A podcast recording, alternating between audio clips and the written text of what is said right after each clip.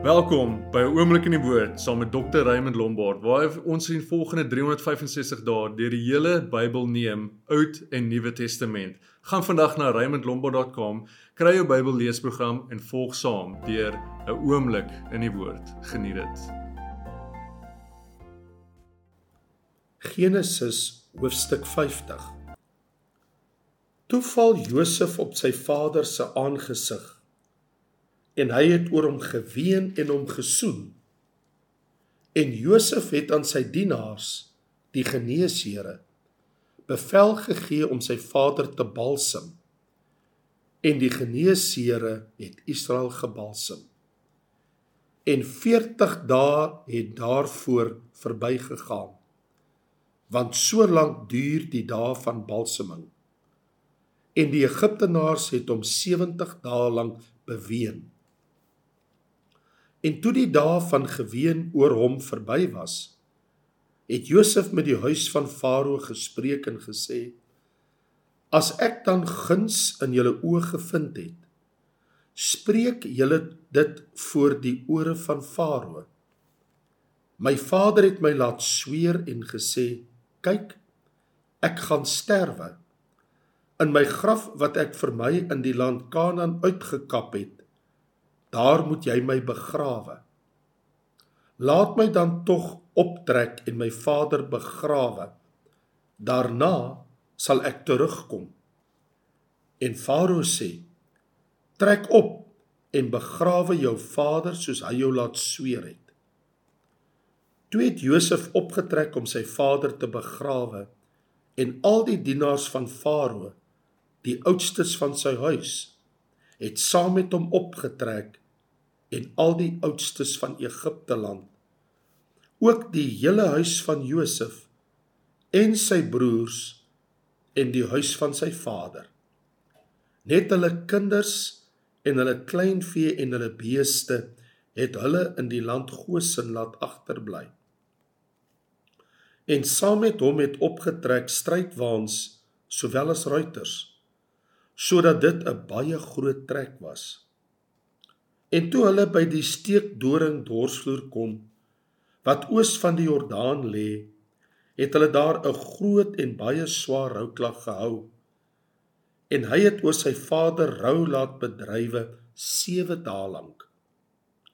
Toe die inwoners van die land, die Kanaaniete, die rou bedryf by die steekdoring dorsvloer sien, sê hulle: Dit is 'n swaar rou vir die Egiptenaars. Daarom het hulle dit Abel Misraim genoem wat oos van die Jordaan lê. En sy seuns het met hom gedoen net soos hy hulle beveel het.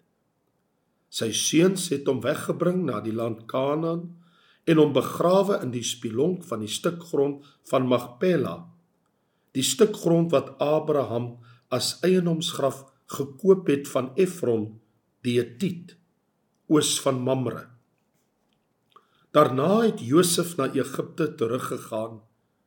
Hy en sy broers en almal wat saam met hom opgetrek het om sy vader te begrawe nadat hy sy vader begrawe het. Toe die broers van Josef sien dat hulle vader dood was, het hulle gesê: Sê nou Josef gaan ons as vyande behandel en hy gaan ons werklik vergelde al die kwaad wat ons hom aangedoen het. Daarom het hulle hierdie boodskap na Josef gestuur. U vader het voor sy dood bevel gegee met hierdie woorde: So moet julle vir Josef sê: Ag, vergewe tog die oortreding van jou broers en hulle sonde, want hulle het jou kwaad aangedoen. Maar nou vergewe tog die oortreding van ons wat die God van u vader dien. En Josef het geween toe hulle met hom spreek. En sy broers het ook self gegaan en voor hom neergeval en gesê: "Kyk, ons is u slawe." Maar Josef het hulle geantwoord: Moenie bevrees wees nie, want as ek in die plek van God want julle het wel kwaad teen my bedink maar God het dit ten goeie gedink om te doen soos dit vandag is om 'n groot volk in die lewe te hou Wees dan nou nie bevrees nie. Ek sal julle en jul kinders onderhou. So het hy hulle dan getroos en na hulle hart gespreek. En Josef het in Egipte gewoon, hy en die huis van sy vader. En Josef het 110 jaar gelewe. En Josef het van Efraim kinders gesien van die derde geslag. Ook die kinders van Mager, die seun van Manasse, is op Josef se knie gebore. En Josef het aan sy broers gesê: Ek gaan sterwe. Maar God sal gewis op julle ag gee en julle uit hierdie land laat optrek na die land wat hy aan Abraham, Isak en Jakob met 'n eed beloof het. En Josef het die seuns van Israel laat sweer en gesê: As God sekerlik op julle ag gee, bring dan my gebeente hiervandaan op. En Josef het gesterwe 110 jaar oud. En hulle het hom gebalsem en hy is in 'n kus gesit in Egipte. Eksodus hoofstuk 1 En dit is die name van die seuns van Israel wat in Egipte gekom het. Saam met Jakob het hulle gekom. Elkeen met sy huisgesin. Ruben, Simeon, Levi en Juda. Isaskar, Sebulon en Benjamin. Dan en Naftali, Gad en Aser en al die siele wat uit Jakob se lendene voortgekom het was 70 siele. Maar Josef was in Egipte. En Josef het gesterwe en al sy broers en daardie hele geslag. Maar die kinders van Israel was vrugbaar en het baie geword. En hulle het vermeerder en buitengewoon magtig geword sodat die land vol was van hulle. Toe staan daar 'n nuwe koning oor Egipte op wat niks van Josef geweet het nie. Die het aan sy volk gesê: "Kyk, die volk van die kinders van Israel is meer en magtiger as ons. Kom. Laat ons 'n slim plan teen hulle beraam sodat hulle nie kan vermeerder nie. En as ons in oorlog geraak, hulle ook nie by ons vyande aansluit nie." en teen ons veg en uit die land optrek nie. Daar is toe opsigters van dwangarbeid oor hulle aangestel om hulle met harde arbeid te verdruk. En hulle het vir Farao die voorraadstede Pitom en Ramses gebou. Maar hoe meer hulle verdruk is, hoe meer het hulle vermenigvuldig en hulle uitgebrei sodat hulle bang geword het vir die kinders van Israel. Daarom het die Egiptenaars die kinders van Israel met hardheid laat dien en hulle lewe verbitter deur swaar werk met klei en baksene en deur allerlei werk in die landerye. Al die werk wat hulle met hardheid deur hulle laat verrig het. En die koning van Egipte het met die Hebreëse vroedvroue, die een se naam was Sifra, en die ander se naam was Poa gespreek en gesê As julle die Hebreëse vroue by 'n geboorte help moet julle na die geboortestoel kyk As dit 'n seun is maak hom dood Maar is dit 'n dogter laat haar lewe Maar die vroedvroue het God gevrees en nie gedoen soos die koning van Egipte aan hulle gesê het nie maar die seentjies laat lewe Toe laat die koning van Egipte die vroedvroue roep en hy sê vir hulle: "Waarom het julle dit gedoen en die seentjies laat lewe?" En die vroedvroue sê vir Farao: "Die Hebreëse vroue is nie soos die Egiptiese nie, want hulle is sterk." Voordat die vroedvrou by hulle kom, het hulle al gebaar. Maar God het aan die vroedvroue weldadigheid bewys en die volk het vermenigvuldig en baie magtig geword. En omdat die vroedvroue God gevrees het, het hy huisgesinne aan hulle geskenk. Toe gee Farao aan sy hele volk bevel en sê: Al die seuns wat gebore word, moet julle in die Nyl werp, maar al die dogters kan julle laat lewe. Matteus hoofstuk 17 En na 6 dae het Jesus vir Petrus en Jakobus en Johannes sy broer saamgeneem en hulle op 'n hoë berg in die eensaamheid gebring. En hy het voor hulle van gedaante verander. En sy aangesig het geblink soos die son en sy klere het wit geword soos die lig. En kyk, daar verskyn aan hulle Moses en Elia in gesprek met hom.